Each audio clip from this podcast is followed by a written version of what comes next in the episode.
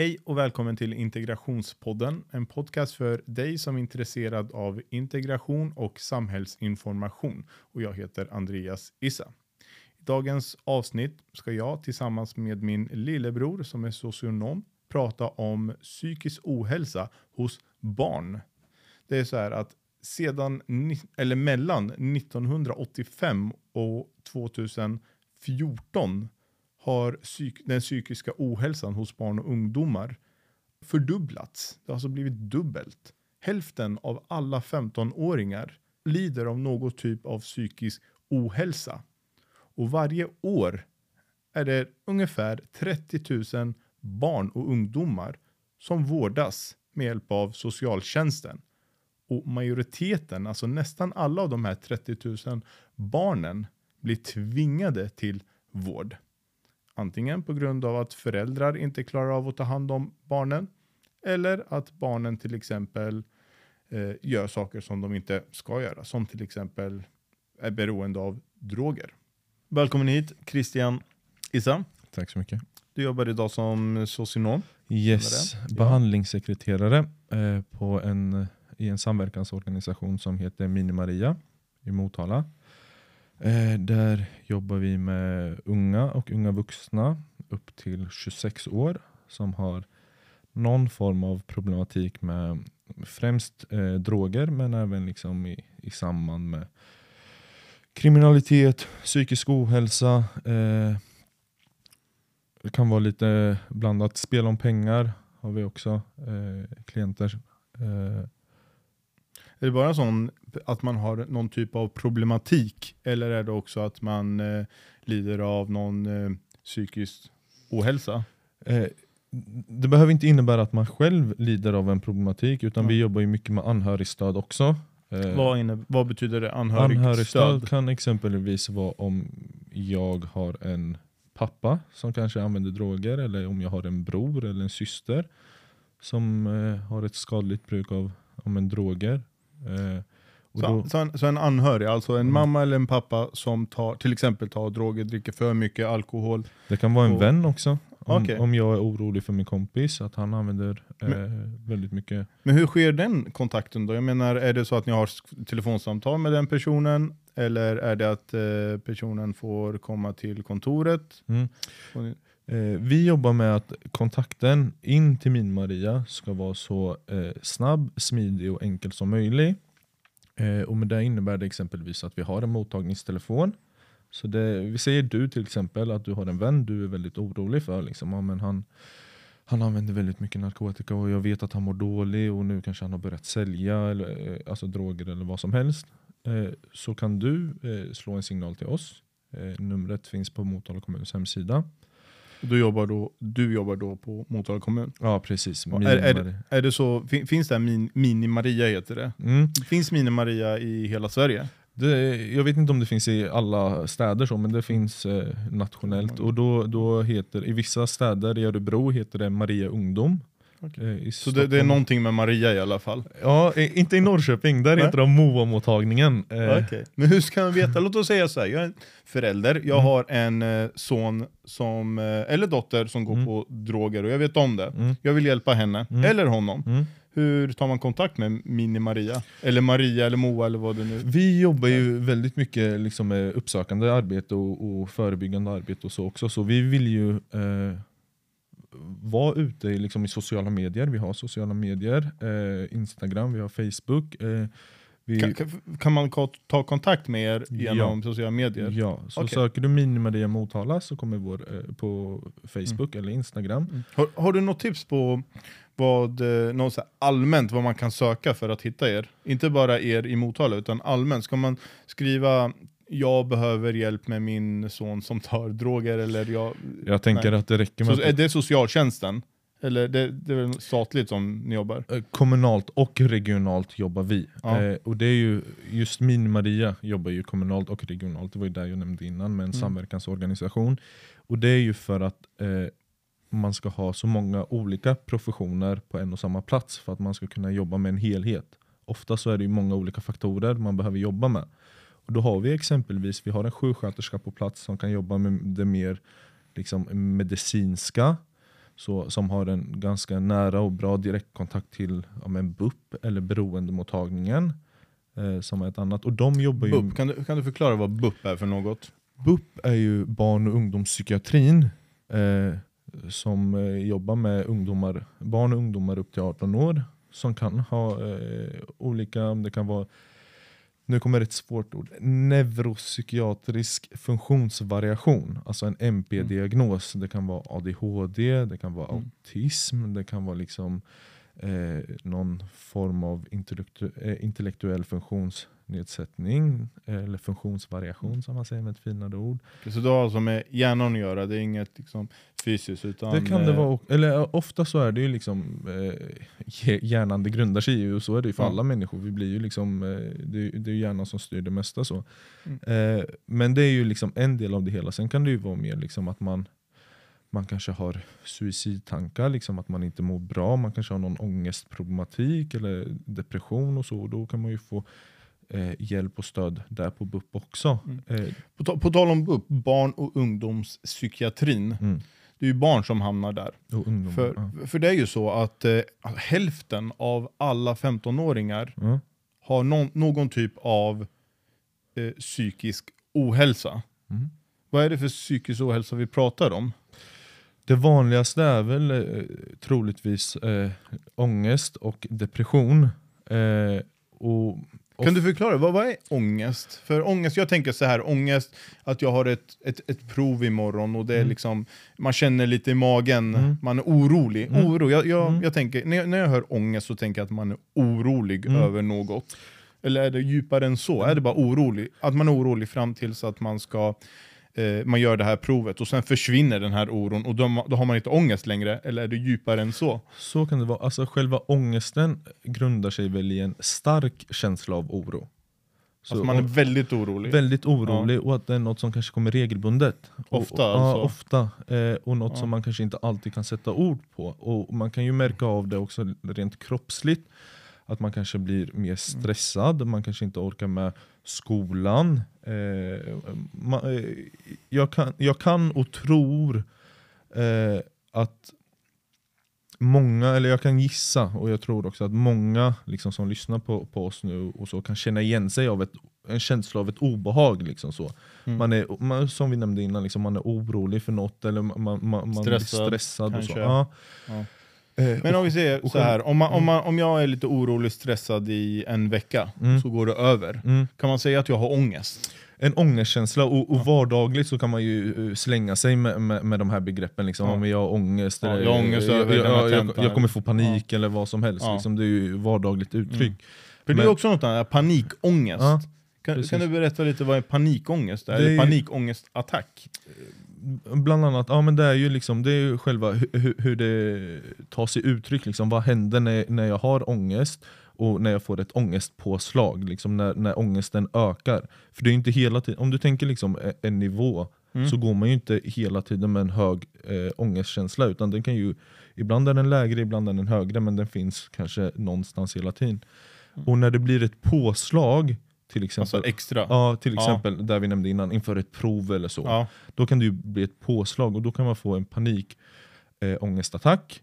Eh, och då handlar det mer om att det är, liksom, eh, det är ju nervsignaler som skickas eh, till eller från hjärnan liksom, som kroppen inte kan hantera. Mm. Och då kan det bli liksom att man, man börjar hyperventilera, man kan, Alltså inte, andas ja, snabbt? Ja men exakt. man kan inte riktigt kontrollera sin andning, man kanske inte uppfattar omgivningen hur den är exakt. Liksom så. O- Om du håller på att prata med mig och jag har en panikångestattack så kanske jag inte uppfattar det du säger eller kanske Nej. inte vet om att du Du finns vid mig. Så. Ja. Eh, Men eh, jag lyssnade en gång på en, eh, vad kan man kalla det, en professor i psykologi mm, eh, som heter Jordan Peterson, mm, kommer från Kanada. Mm. Jag lyssnar väldigt mycket på honom. Mm. Eh, han beskrev en gång vad, hur depression kändes. mhm, Och han sa så här, tänk dig att du får cancer och din, om man nu eh, har en hund till exempel, din hund dör mm, gånger tio. Så, så en depression, och hela tiden.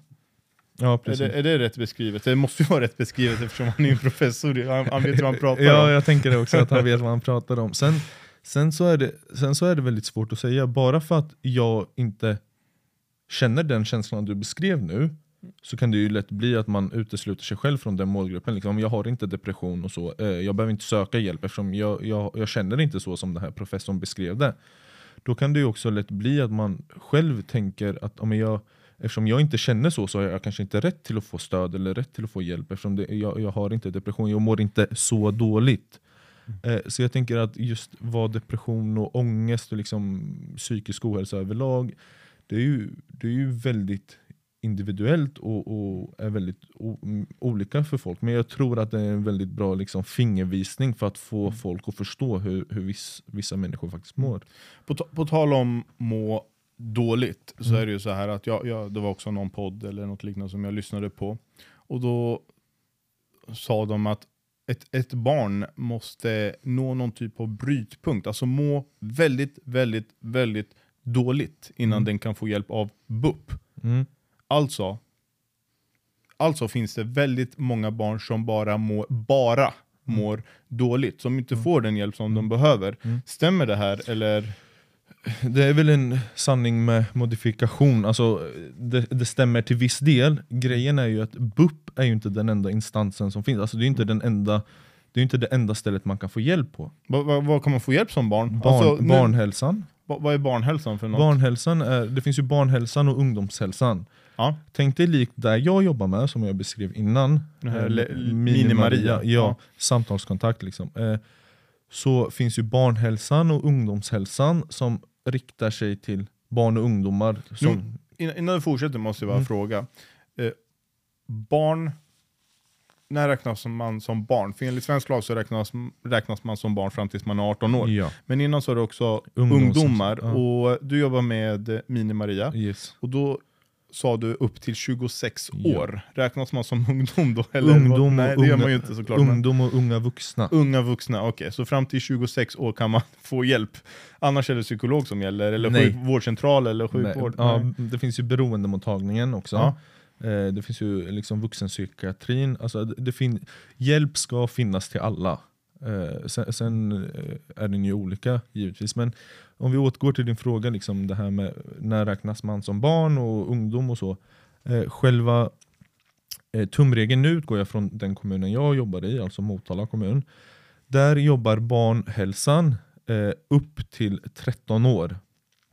Sen eh, tar ungdomshälsan vid. Okay. Eh, och där, där är det ju liksom samma tankesätt som vi på Minimaria, liksom en snabb väg in. Man ska kunna få en eh, samtalskontakt ganska snabbt, så det ska inte vara långa väntetider och så, som det kan vara på BUP och sånt ibland. Eh, eh, och då Ofta så är det ju kanske den målgruppen vi pratade om innan som kanske inte har jätteomfattande problematik men ändå mår dåligt av den ena eller andra an, eh, anledningen. Och då kan det bli ett väldigt bra sätt att, att börja på, liksom att man aktualiseras, alltså att man får en samtalskontakt eh, på barnhälsan eller ungdomshälsan. Och jag tror, återigen i Motala kommun i alla fall där jag jobbar, så har de väl en mellan tummen och pekfingret att man har liksom träffats på åtta tillfällen, liksom, att man har åtta träffar så, och, och utgå från. Eh, eh, och sen eh, anser man att det är mer omfattande problematik som behövs, ja, men då, då kanske man hjälper till och hänvisar till BUP, hjälper till med en remiss eller så, för man har ju bra kontakt med, eller bra samverkan med de här olika eh, eh, instanserna. Jag, Eh, jag måste fråga, mm. eh, Sve- Sverige är ju väldigt byråkratiskt. Det betyder att det, jag brukar kalla det för papperssamhälle. mm, Eh, och och då, då menar jag att för att något ska hända, alltså en ansökan, så måste det gå igenom kanske fyra olika personer och myndigheter in, och sen ska den komma tillbaka också innan man får ett svar. mm, Jag menar eh, Migrationsverket, bara en, Ja. en ansökan kan ju Ja. ta liksom ett halvår till ett år, kanske Precis. mer också, jag är inte så Ja. jätte, jätteinsatt. mm, Hur är det ifall man ansöker till er? Alltså, om vi Mm. säger, jag är en orolig förälder mm, och jag hör av mig till er och säger jag är jätteorolig för min son som eh, kommer hem och eh, luktar sprit varje Ja, dag precis. och eh, jag misstänker att han tar droger och Mm. snälla hjälp mig. mm. Är det liksom en ansökan man gör? Eller Nej. räcker- nej. Eh, eh, det ser olika ut i olika kommuner. Eh, Mm. Vissa kommuner eh, så måste det vara ett bistånd och ett bistånd kommer alltid från eh, socialtjänsten. Alltså att socialtjänsten man har gjort en ansökan dit, de har utrett och fattat beslut om att Mini-Maria eller Maria Ungdom är den insatsen ungdomen och familjen är i behov av. Eh, I vårt fall jobbar vi med service och bistånd. Bistånd var ju det jag eh, förklarade precis, liksom att det kommer från socialtjänsten eller socialkontoret. Eh, servicedelen är ju liksom att man kan jobba, eh, att, det är på, eh, att man själv tar en kontakt och vill eh, aktualiseras hos oss. Och då har vi liksom, där vi har som fingervisning är att vi ska erbjuda en samtalskontakt eller åtminstone ett mottagningssamtal inom tre till fem dagar från att de har hört av sig. Ja, precis. Och det är just där, som jag också nämnde innan, där vi strävar emot att det ska vara en snabb väg in. För vi Mm. jobbar ju som sagt mycket med ja, men, droger, missbruk, skadligt bruk liksom, och Mm. kriminalitet och så. Och, och när man väl, vi jobbar ju bara på frivillighet ska tilläggas. Alltså att Mm. man själv, Vill. det är aldrig på tvång man kommer, Mm. kommer till Mini-Maria. Nej. Och då, Jag- får bara tänker jag- tillägga, ja. då blir det väldigt viktigt att man kan erbjuda en snabb eh, kontakt. För att eh, mm, just den här motivatorn, eller hur länge man är motiverad, ofta så är den kanske inte så jättelänge hos de som har ett skadligt bruk. eller så. Därför blir det väldigt viktigt att när man väl hör, av sig, eller om en förälder hör av sig, eller så, så ska vi kunna erbjuda en snabb kontakt. För det finns ju någon typ av eh, kultur, speciellt bland eh, invandrare. Mm. Att man, eh, är det någon som mår dåligt eller något som händer inom familjen så ska det inte ut ur liksom, huset. Utan man löser det helst Mm. själv. Mm. Har du något tips och råd till de som har till exempel något barn som mår väldigt dåligt eller kanske till och med ett barn som, har mis- som skolan Mm. misstänker har någon typ av diagnos eller eh, ma- man har en son eller dotter som man en, antingen tar drog eller misstänker tar droger. Har, du Mm. något, har du något råd till föräldrarna där? Hur ska de gå tillväga? För att man kan ju inte tvinga barnet att Nej, prata med er. Nej, precis. utan- Eh, och de kanske inte heller vill ta kontakt med er.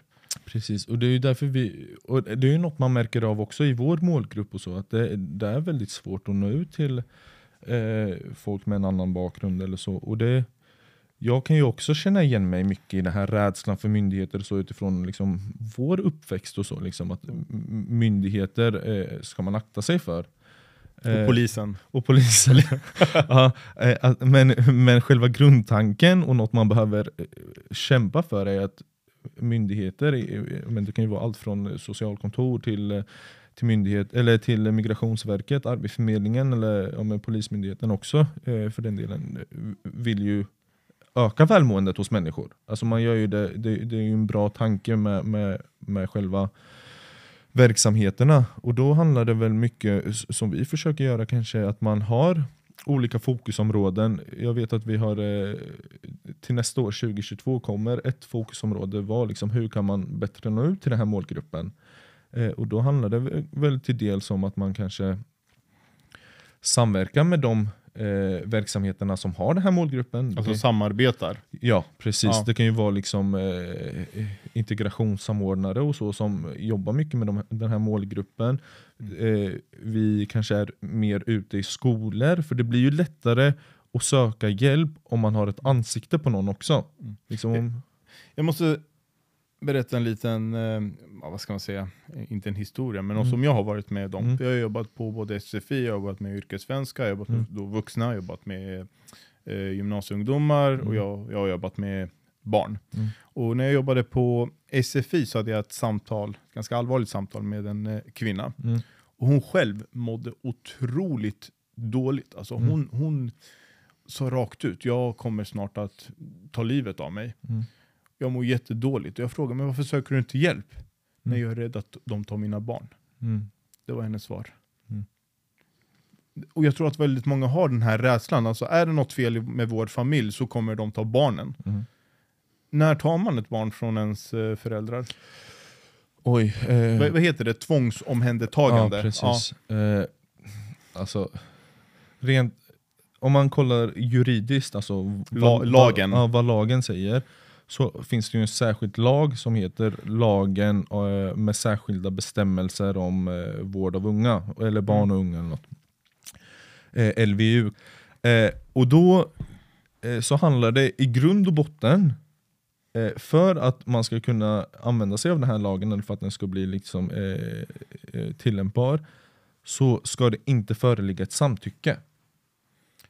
Det får du utveckla. Samtycke innebär om ungdomen är över 15 år så behöver den också samtycka, annars är det föräldrarnas samtycke eh, eh, eh, man behöver inhämta. Och det handlar alltså om att... Alltså myndighetsperson, en person, alltså man, man är inte vad ska man säga, myndig förrän man är 18 år. Mm. Och samtycke betyder då att föräldrar måste också gå med på godkänna. Ja, det, precis. så samtycke är ett slags godkännande. Ja, Så mamma eller pappa måste godkänna och då har de gett sitt samtycke. precis. Ja.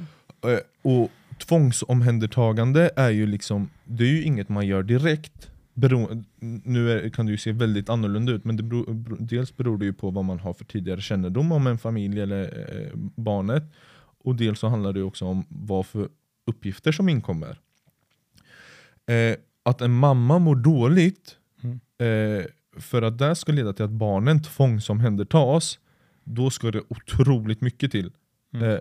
För det är nästan ett självmordsförsök nästan. Typ, eh, eh, enligt LVU så är det ju två paragrafer man utgår från. Det är ju andra och tredje paragrafen. Det första är liksom att det finns eh, brister i omsorgen. Liksom att mamma, Utveckla. att mamma eller pappa inte kan ta hand om barnen. Och, och liksom att det ska vara omfattande. Liksom. Alltså att man inte duschar ordentligt, man har på sig trasiga kläder, trasiga skor, man har inte jacka mitt på vintern, Ja, man att- får inte mat, man är undernärd, Mm. alltså man är väldigt väldigt Mm. smal och inte Mm. har, för att, på grund av att man inte fått mat i sig. Mm. Det kan också Det- handla om, vilket jag tror en, en stor rädsla faktiskt grundar sig i, om jag får fantasi, fantisera helt Ja. fritt, Absolut. är att om man tänker kulturellt ja.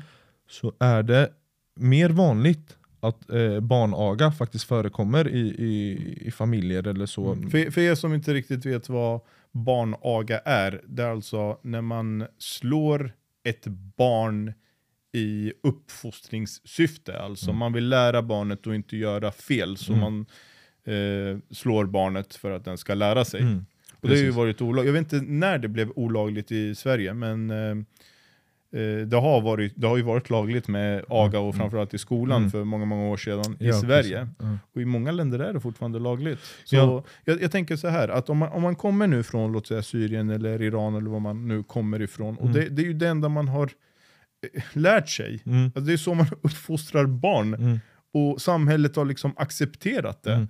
Och så kommer man till Sverige, mm, och helt plötsligt så är det helt andra regler. Det tar ju Mm. tid ja. att lära sig att det Ja. inte är så det fungerar.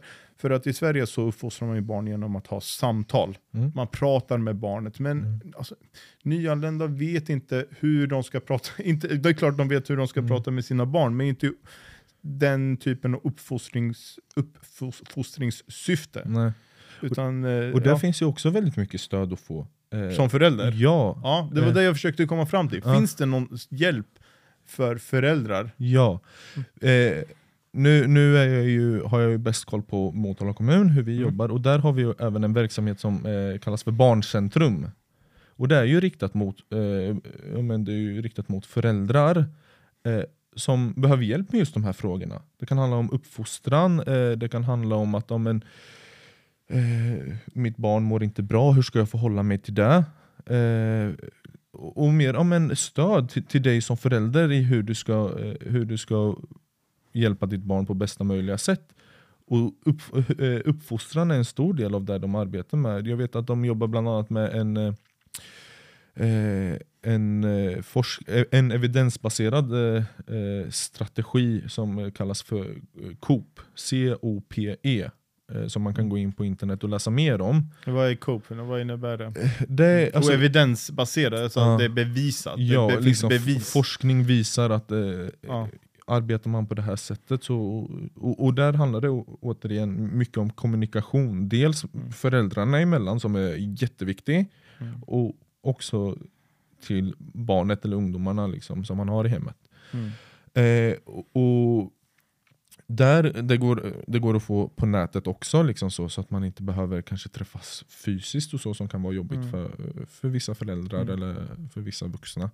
Eh, men det handlar om att man helt enkelt har, eh, man träffas i en grupp med föräldrar, vilket också eh, har visat sig vara väldigt effektivt eftersom man kan relatera till, varandra på ett annat sätt. Liksom. Man behöver inte ha den här känslan av att det är, inte, det är inte bara jag som, kan, som inte kan uppfostra mina barn, eller det är inte bara jag som har problem hemma eller så. Eh, och, och just det här sammanhanget kan göra väldigt mycket. Men det handlar i, i kort och gott om att man, man har olika lektioner kan man säga som. Men, men dit kommer man väl inte förrän socialtjänsten har tagit barnet? Nej. För jag menar, Eh, hur gör man om nu socialtjänsten kommer till skolan? För det är ju oftast i skolan Mm. man går. För, för då har du, väl du gjort några gånger? Gått till skolan och hämtat ett barn eh, på grund av olika... Ja, eller det har, mest har det faktiskt varit hem, alltså, hemma. Eh, för, eh, ja, men, jo, jag, det har varit skolan och sen har, har det varit hemma mycket. Mm. De, de flesta gångerna då det har varit skola, då har det varit eh, när vi ska ta eh, med barnet till något som kallas för barnahus. Eh, där de blir förhörda helt enkelt av polisen om det har framkommit att mamma har slått mig eller så. För det är ju som sagt olagligt, det är ett brott som har begåtts och då upprättar man ju en polisanmälan med det också. Och det räcker med att barnet säger jag blir slagen hemma. Nej, det ska nog... Alltså det, det, där är återigen väldigt indiv- individuellt. Eh, eh, lärarna, rektorerna, liksom den, närmaste läraren har ju givetvis ett ansvar i att utforska det här. Vad handlar det om? Liksom, Se, eh, eh, liksom, finns det någon sammanhängande historia i det man berättar? Kan man se liksom, fysiska symptom i form av blåmärken eller sånt? Eller vad, vad är det för uppgifter? För jag, jag känner till två situationer. mm, en situation var, jag tror att det var en eh, elev, vad kan Mm. han ha varit? Han kan ha väl varit en eh, 10, 10, 11 år och sånt där. Mm. Jag vet inte om det var med på skämt eller han hade i alla fall sagt ja men jag blir slagen hemma eller Mm. ja min pappa kommer slå mig eller, något, eller mamma eller vad det nu var. Och eh, då hade en eh, lärare eller pedagog eller eh, jag vet inte om det var fritidspedagog eller vad det var. Han Mm. hade hört det. mm, Och eh, han, han menade egentligen inget, utan han hade sagt det i fikarummet. Ja, men den här pojken, eller nu flickan, mm, eh, sa att hon eh, skulle bli slagen hemma, eller att hon blir slagen hemma. mm. De hörde av sig till socialtjänsten, någon eh, lärare eller jag vet inte vem det var som Mm. hörde av sig. Rektorn är då tror, oftast. Ja, men den här gången var det nog inte Okej, rektorn tror jag. mm. Jag ska komma in på den andra händelsen andra Mm. situationen också. Men eh, alltså det tog bara några timmar och så var socialen där och plockade upp Mm. barnet. Mm. Och jag menar, eh, det är inte det också som man brukar säga men för livet? Alltså att eh, barnet mår dåligt bara av det. Mm. För barnet förstår ju egentligen inte att ja, men jag ska inte bli slagen. Utan det är, barnet är förmodligen också van vid att Mm. bli slagen. Det är Mm. så den lär sig. Men eh, hur, hur, hur alltså är det bra att ta ett barn från sina föräldrar? Eller ska man inte liksom göra en... Eh, Det är ju aldrig bra och det är ju det Ja. sista man, alltså det är ju den sista utvägen så att säga. Eh, Tvångsplacera eller omhänderta barn eller så, det är ju alltid den sista utvägen och det är liksom i princip ett krav att man måste eh, testat andra insatser på frivillig väg först. Sen just i det här fallet vi, vi, kan jag inte uttala mig så mycket om utan eh, det, alltså, de faktorerna som kan spela roll är ju dels om socialtjänsten har någon tidigare kännedom om det här. De kanske vet eh, liksom, att de kanske har haft tio utredningar inledda innan där det har framkommit att eh, pappa har slagit eh, barnet men att de inte har gjort någonting. Sen inkommer det här, ja, men då måste vi agera akut eftersom det finns en, eh, en risk för barnets liv och hälsa. Mm. Det är en bedömning socialtjänsten gör. Eh, sen tänker jag också att det handlar om liksom, vad det är för uppgifter som kommer in eh, och vad det här om, omhändertagandet, vad det handlade om. Är det så att barnet blev placerat direkt, liksom jourplacerat i, i väntan på utredningen? Jo, då har de troligtvis gjort bedömningen att det är akut. Eh, man kan läsa mer om det på den här LVU-lagen, sjätte paragrafen. Är det, liksom att det, det föreligger en akut risk för, för ungdomens eller barnets liv och hälsa. För det här är den andra situationen, att det, det var verkligen ett, eh, det, det var en, ett barn Mm. som hade rå, inte råkat illa ut, utan den hade hamnat i, eh, i något typ av problem, hade Mm. tjafsat med någon Mm. elev. Och så var det en eh, kvinna som pratade med den här eleven. Mm. Och eh, det här kom, det kom fram senare, att den här flickan, för att, eller pojken, nu Mm. sa jag flickan, men för att hon skulle komma undan så sa hon att hon, eh, ja, jag vet inte varför hon sa, men hon sa jag, jag blir slagen hemma. Mm. Jag, jag är liksom eh, rädd, det är därför jag gjorde sådär, för Mm. att jag blir slagen hemma. Mm. Eh, så den här kvinnan eh, agerade fel, tycker jag. Mm. Men hon, hon ringde, först ringde hon BRIS. Mm. Och BRIS sa, ja men jag, då hänvisar jag er till eh, socialtjänsten. Ringde socialtjänsten och sa, om nu har jag pratat med den här flickan och säger att hon eh, blir slagen hemma. Och det tog också, det, alltså ordagrant, jag tror det tog en och en halv, en timme. Mm. Och så var socialen där, hämta barnet. Mm. Eh, sen fick jag, ju, fick jag höra att föräldrarna fick, gick till socialkontoret och ville prata med sin dotter, men de fick inte. I två Mm. dagar fick de inte ens veta var hon var någonstans. Och eh, jag menar, om vi säger så här, ifall du, någon skulle ringa, när, när du jobbade på Mm. socialtjänsten, Mm. Om du skulle få ett sånt samtal, Mm. hur skulle du agerat? Skulle du agera på det sättet att nej nu tar jag mitt pick och pack och åker den skolan och hämtar barnet och sen ställer mina frågor eller skulle man kanske ställa lite fler frågor eller ska man kontakta föräldrarna? För det är Mm. också en risk om Ja. det nu skulle vara så att Mm. barnet är i risk Precis. och blir slagen hemma så är det ju ännu farligare att ringa hem och säga Mm. ja men är det så nu, slår ni ett Mm. barn så kommer barnet hem och då blir det ännu mer stryk.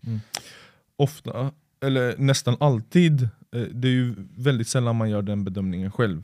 Eh, inkommer det sådana uppgifter så har man ju dels en liksom första, eh, eh, första socialsekreterare, man har ju enhetschefen som man bollar med och så, eh, kollegor. Eh, sen när, när, när man bara får höra den delen av historien så är det ju väldigt, eh, så tänker man eh, vad, vad fan håller de på med? Men myntet har ju oftast två sidor liksom. Det finns ju Troligtvis så finns det väl antingen mer information eller att man har gjort en bedömning där man anser att det föreligger faktiskt en, en stor risk för det, här, eh, för det här barnet. Jag tänker så här, om, om vi vänder på frågan då. Att eh, den här flickan, att hon faktiskt blir eh, misshandlad var, varje kväll eller så hemma och socialtjänsten får reda på det men gör ändå ingenting. Mm. Då, alltså, det är ju lite, det är, det är, ju- det är ju, jag personligen tycker att det är bättre att man agerar eh, För säkerhets skull. Ja, och, och låter utredningen visa liksom hur det ser ut hemma och så. Mm. Men i första hand om man faktiskt eh, har en, eh, en stark oro eh, för det här barnet, ja men då är det ju socialtjänstens skyldighet att faktiskt agera. Sen givetvis är det inte alltid det blir rätt.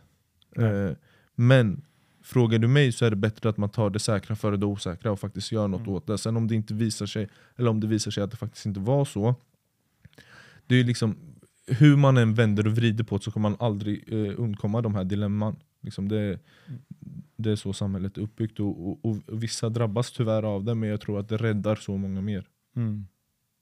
Ja, det kan man diskutera ganska, Mm. det här kan man diskutera ganska mycket om. Och har, har ni några eh, frågor om det här ämnet så får ni kommentera så får vi se till att Christian svarar på de frågorna. Men jag tänkte återgå till det här med eh, psykisk ohälsa. Mm. För det är ju så, från eh, alltså 1985 så hände något med den, eh, vad kan man säga, svenska eller psykiska ohälsan i Sverige. Mm. Speciellt bland barn. För från eh, 1985 Mm. så har eh, barn och framförallt ungdomar mått mycket sämre. Vad, vad tror du att det kan bero på? Oj, jag, jag tror inte att det hände något just 1985 som resulterade i att det, det vände, det har jag väldigt svårt att tro. Men eh, jag tänker att eh, e- en del av det hela är ju att människor idag vågar ju prata om det på ett helt annat sätt. Det är inte lika tabubelagt att prata om psykisk ohälsa. Eh, det, det är liksom mer okej att göra det och då, då blir det inte, jag tror psykisk ohälsa kanske alltid har funnits men i vissa fall har det varit kanske ett större mörkertal eller så. Liksom att, Ja. Och mör- mörkertal det är ju att eh, man, man mår dåligt, man, man eh, finns inte med i statistiken Mm. för man hör ju inte av sig. mm, Eh, men men eh, jag läste lite på Folkhälsomyndigheten mm, och eh, de skrev att eh, hälften av alla 15-åringar mm, lider av någon typ av psykisk Mm. ohälsa. Mm, Och eh, Det finns framförallt två faktorer som eh, de eh, forskade kring då Mm. och gjorde forskningar, kring, eh, gjorde forskningar på. Och det var att eh, skola, att skolan inte riktigt eh, kan hantera barns psykiska ohälsa. Mm. Och det andra var att arbetsmarknaden har förändrats. mm, Så om vi börjar med skolan, där har ju jag ganska mycket eh, kunskap. Och eh, det är ju så, eh, vi, vi har ju läroplan som Mm. vi måste följa. Eh, om vi börjar med nu LGR 80, alltså 1980 så fick vi en läroplan. Mm. Och sen nästa läroplan, alltså att den utvecklades, var inte förrän 94 och då hette den LPO, LPO 94. Mm. Vad hände där på 90-talet? Alltså från hela 90-talet ända fram till 2000-talet så hade tekniken tagit fart. Mm. Alltså det blev väldigt mycket teknik, Mm. eh, sociala medier, Mm. och det är ju där barn hänger liksom, på Mm. sociala medier. Och eh, Jag tror att det har en väldigt stor faktor i barns psykiska ohälsa och välmående. Att eh, man är inne på Instagram och eh, är, lite, är avundsjuk eller svartsjuk på någon annan person, man vill vara som den personen. Sen så mycket näthat också, som Mm. eh, speciellt väldigt många vuxna inte känner till. Att alltså, speciellt barn, de är så hemska nästan mot varandra på internet. Jag ser själv på internet liksom, Mm. hur de skriver till varandra. Jag ser liksom, även elever, mina Mm. elever, hur de, eh, folk skriver till dem, hur de skriver till andra. Mm. Och tror du att det är en faktor? Alltså, tror du att det är en anledning till varför faktiskt barn mår sämre just nu? Ja, det, det tror jag absolut. Eh, jag tänker att det är väldigt många olika faktorer. Eh, just det här med sociala medier, det som är ett stort problem är ju att det är, liksom, det är ungdomarnas arena. Det är ju de Mm. som har bäst koll på det. det är liksom, eh, föräldrar har ju inte alls lika bra koll och även om de försöker med liksom, eh, så här, föräldrakoll och så att de ser vilka appar man är inne på och så, så, så är det ju barn och ungdomar som, som är där mest och som har bäst koll på hur sociala medier faktiskt funkar. Eh, och, och då får de ju friare utrymme till att göra, skriva, agera som de vill. Och det var ju som du nämnde innan, tyvärr. Alltså, barn och ungdomar eh, kan vara väldigt, alltså väldigt grova mot varandra. Det jag försökte komma fram till var också att eh, läroplan inte riktigt hänger med Mm. hur samhället faktiskt ser ut. För Mm. i läroplan så står det att man ska, eh, vad ska man säga, sträva emot. Alltså man ska försöka göra så att eh, barnen blir, vad ska man säga, samhällsmedborgare. Att Mm. de ska fungera i samhället Mm. på ett bra sätt. Mm. Och allt är ju teknik. Mm. Och eh, det, det är nu nyligen som eh, man ska lära sig att programmera lite i tidig ålder. Mm. Eh, lite om medier, Mm. men eh, jag tycker att det borde finnas mycket mer om fakt hur faktiskt sociala medier, om, om just sociala medier, Mm. vad sociala medier är, hur man ska bete sig på sociala medier. Eh, och, och, och som sagt så är det ju väldigt många, som, som jag har sagt tidigare, att väldigt många barn och ungdomar mår väldigt dåligt och vi lärare får ingen utbildning i hur vi ska hantera sånt. Mm. Och vi, man har, vad det, en eh, kurator som jobbar på 20% Mm. på skolan och så har man någon skolsyster som är upptagen Mm. hela tiden. Mm. Och så är det vi lärare som får handskas med sånt. Och vi, vi, alltså det, det är det som jag hatar. Inte, inte att jag hatar, men jag ogillar det väldigt mycket Mm. för att jag vet inte hur jag ska hantera det. Om, Mm. någon, om något barn kommer fram till mig och säger jag mår dåligt, Mm. jag vet inte hur jag ska hantera det. Så Mm. eh, jag tror att det vore bra ifall antingen att lärare får eh, någon typ av eh, utbildning om hur man hanterar sånt, eller att man gör en satsning på socionomer, kuratorer på skolorna. Tror du det skulle förebygga så, psykisk ohälsa i framtiden Mm. på något sätt? Jag tänker att eh, det ena behöver inte utesluta det andra.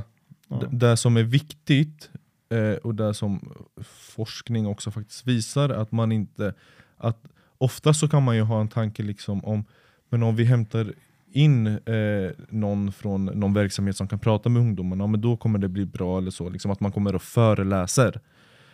Det har faktiskt visat sig ha en, men i princip ingen påverkan alls. Så där, man behöver, där jag tror man behöver lägga resurser och energi på är ju faktiskt att men att det ska fungera i skolans värld, liksom att man ska få, få det stödet i, i skolans värld. Sen vissa saker, det är inte alltid det är skolrelaterat. Man kan ju må dåligt om det här med sociala medier och så, det kanske inte är direkt skolrelaterat. Då finns det ju andra verksamheter där man kan få en samtalskontakt, men det är ju inget, alltså det är inget vi vill sträva mot, att så många som möjligt ska få en samtalskontakt, utan det vi vill sträva mot är att så få som möjligt ska behöva en samtalskontakt. Och då behöver man ju jobba förebyggande och det är ju oftast i skolans värld som det förebyggande arbetet är som mest påtagligt, så att säga, där man kan se det mest och där man kan jobba med det mest. Sen så, så har ju lärare kan ju inte göra hur mycket som helst utan eh, ni har en klass ni ska undervisa och det, ni har ju liksom fokus på erat kan jag tänka mig. Och då kanske man behöver göra sådana satsningar, liksom, att man åtminstone ska ha en kurator som har tid för alla, eh, alla som är i behov av stöd. Eh, så att, eh, och, och en skolsköterska och så. Man behöver ha liksom, ett fungerande system i skolan. Ja, och en kontinuerlig kontakt med Ja. barn och ungdomar. Och för att det är ju så också att en, eh, ett barn eller en ungdom kommer ju inte gå runt och säga jag mår dåligt, jag mår dåligt. Utan man, man måste ställa de rätta frågorna. Och så ska Mm. man inte vara för nära. En lärare är lite för nära. För det märker jag också med eh, ja, mina elever som jag har haft. Mm. Som man vet, helt hundra, jag vet att du mår dåligt. Så frågar men hur är det egentligen? Mm. Nej men det är bra. Mm. Jag kan inte heller tvinga en person att säga hur den mår. Eh. Där, men däremot så är det an, andra saker man kan snappa upp. Liksom, ni träffar ju ändå de här barnen dagligen och ni kan ju märka av liksom, beteendeförändringar eller liksom, om man är mer nedstämd eller kanske inte har samma energi eller verkar vara trött eller ha frånvaro. Och så. Det är också liksom varningsklockor man behöver vara uppmärksam på. Och framförallt att föräldrar är uppmärksamma på sina Mm. Ja, barn. Absolut. För det är absolut. också sådana vad ska man säga, varningsklockor som du sa. Eh, att barn antingen har, eh, ja, men mår dåligt Mm, eller kanske har på, börjat med eh, droger mm, eller annat. mm. Men eh, vad, vad är det som kan förändras hos eh, ett barn? Alltså vad är det man ska titta lite extra på? Är det liksom nya vänner, att man börjar umgås med nya eh, lite andra vänner, att man tagit avstånd från sina gamla vänner, att man har slutat sin sport eller börjat Mm. någon sport? Bör, vad, vad man ska Jag tänker allt det, allt det du nämnde precis kan vara varningsklockor men det behöver inte innebära att man ska springa efter varje boll. Liksom, Okej nu, nu umgås inte Kalle med Erik längre, okej nu, nu tar han droger. Alltså, så funkar det inte. Men det gäller ändå att vara uppmärksam, visa intresse för barnet. Liksom. Okej, eh, nu slutar du spela fotboll, hur kommer det sig? Eh, okej, är det någon annan sport du skulle vilja, eh, skulle vilja testa eller vad som helst? För det är också en otroligt stor skyddsfaktor. Eh, liksom att man har ett sammanhang, där man, eh, alltså ett bra sammanhang eh, som man befinner sig i. Och liksom, lagsport och sånt är ju en, ja, en ganska stor eh, skyddsfaktor. Inte bara det här med lagsport, utan sport överhuvudtaget. Mm. Alltså det är det, alltså på, nästan på liv och död, Mm. känns det som. Speciellt om man ja, mår dåligt. Att röra på sig minst fyra gånger i veckan. Börja någon sport, testa många olika sporter. Eh, ät bra. Mm. Vet du inte hur man äter bra, googla. Mm. Eh, Och jag tänker, Det- där har ju föräldrarna ett väldigt stort ansvar. Ja, men jag, jag, det är ju så. Jag märker ju själv att eh, när jag inte har tränat på, låt oss säga två månader, Mm. så känner jag mig mycket tröttare. Mm. Jag orkar inte liksom leka med barnen så som jag eh, gjorde när jag tränade som mest. Mm. Eh, jag orkar inte jobba lika mycket. Jag, Mm. jag märker ju, det är ju effekt på mig också. Som vuxen, så tänk dig bara ett barn som har så mycket energi i kroppen som bara behöver göra sig av med. Mm. Så träning och bra kost tror jag också någonting man behöver fundera på. Ja, jag Om att det- man har ett barn som inte mår så bra. Ja. Jag tänker att det är, det är ju viktiga faktorer, absolut. Eh, sen så, alltså, vad, vad är bra träning? Liksom? Det, in, alltså, det innebär ju inte att du ska gå ut och springa 10 mil, utan forskning visar ju faktiskt också att eh, liksom, här, den här lågaffektiva träningen, också, eller lågintensiva, förlåt, lågintensiva träningen också är väldigt bra, i alla fall ur liksom biologiska faktorer och hur, hur hjärnan påverkas av det. Liksom. Förklara. Kan du ge exempel på en sport som är Det, det behöver inte vara en sport. Det Eller behöver- så har du högintensiv? Nej, lågintensiv. Lågintensiv, det ja. kan innebära att du, okej, att du tar en timmes promenad. Ja men exakt, 30 minuter om dagen Ja. ska man ju ta, Ja. eh, ja, ta en promenad, promenera. Och sen, alltså, alla, alltså, alla har ju olika förutsättningar. Det kan ju vara så att en en mamma kanske har ja, men, vissa problem liksom, som gör att hon inte kan träna eller liksom att hon har ont i kroppen eller kanske mår dåligt eh, överlag. Då blir det ju väldigt svårt att få med barnet på sånt också. Så man måste ju ändå ha respekt för eh, varje människas förutsättningar. Eh, sen finns det ju givetvis saker och ting man ska sträva mot men ändå ha respekt att okay, alla kanske inte har samma förutsättningar, alla kanske inte har samma möjligheter. Eh, och alla människor är faktiskt olika. Det, det är inte så att eh, bara för att kost och träning funkar för mig så funkar det för den ena personen även om det finns saker och ting som visar på det. Ja, det finns ju studier som visar Mm. eh, på det. Och sen tror jag ändå att alla mår bra av att röra på sig. Mm. Eh, in, inte bara för det psykiska utan för det fysiska. Mm. Och även det här med att eh, liksom diabetes Mm. och sjukdomar och blod och kärl och Det, leder. det är ju ett sätt att- se på det och det är jätteviktiga saker. Sen kan det ju innebära andra saker som kan göra att man mår dåligt. Det kan ju handla liksom, okej, kommer, jag, kommer jag vara i startelvan här, alltså, nu, nu i helgen? Liksom, eller jag gjorde ingen bra träning, eller liksom, eh, tränaren skriker att jag, måste, att jag måste bli bättre på att passa bollen eller vad som helst. Och Det blir ju också liksom psykiska påfrestningar Mm. som är viktigt att ha i åtanke. Liksom. Så jag tänker att det är väldigt många olika faktorer som spelar roll här och det är viktigt att man, är, man ändå har en respekt och ödmjukhet inför de här. Ja, och det, det märker jag också på internet. Jag Mm. menar, jag, jag tar inte åt mig så lätt. Jag är Mm. liksom ganska självsäker, säker i mig själv som liksom människa.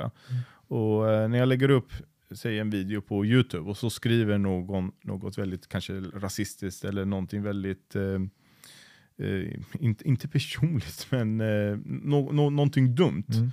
Så kan jag känna för stunden Mm. att eh, nej, det här känns inte riktigt bra Mm. för mig. Och så kanske jag tänker på det i ja, men några minuter, sen försvinner det för mig Mm. i alla fall. Men jag kan ändå förstå barn som, in, som är lite osäkra, på, eller väldigt Mm. osäkra på sig själv. Mm. Eh, hur, att de, de kan gå runt och älta. På Ja. just den här kommentaren. Mm. Det kan vara till exempel att man, man själv känner att ja, men jag är lite överviktig. Mm. Och så skriver någon, ja men din eh, tjockis, gå Mm, och mm. sluta äta så mycket eller gå Mm. och träna eller gör det här. Bara den kommentaren Mm. kan få det här barnet att må otroligt dåligt i veckor. Ja. Så jag, så jag tror faktiskt att det här med eh, sociala medier och eh, så, men sociala medier är en stor faktor i att barn faktiskt mår sämre. Mm. ja, just den här nätmobbningen Mm. och så som man kan se. Liksom.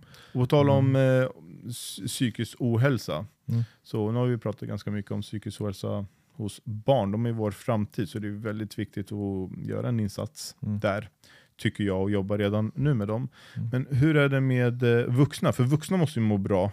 Föräldrar måste ju må bra för att kunna ta hand om sina barn och se till så att de är, eh, mår bra med sig själva Mm. och framförallt sin kropp. För det, det handlar mycket om liksom, kroppshets och kläder och vad Mm. det nu handlar om.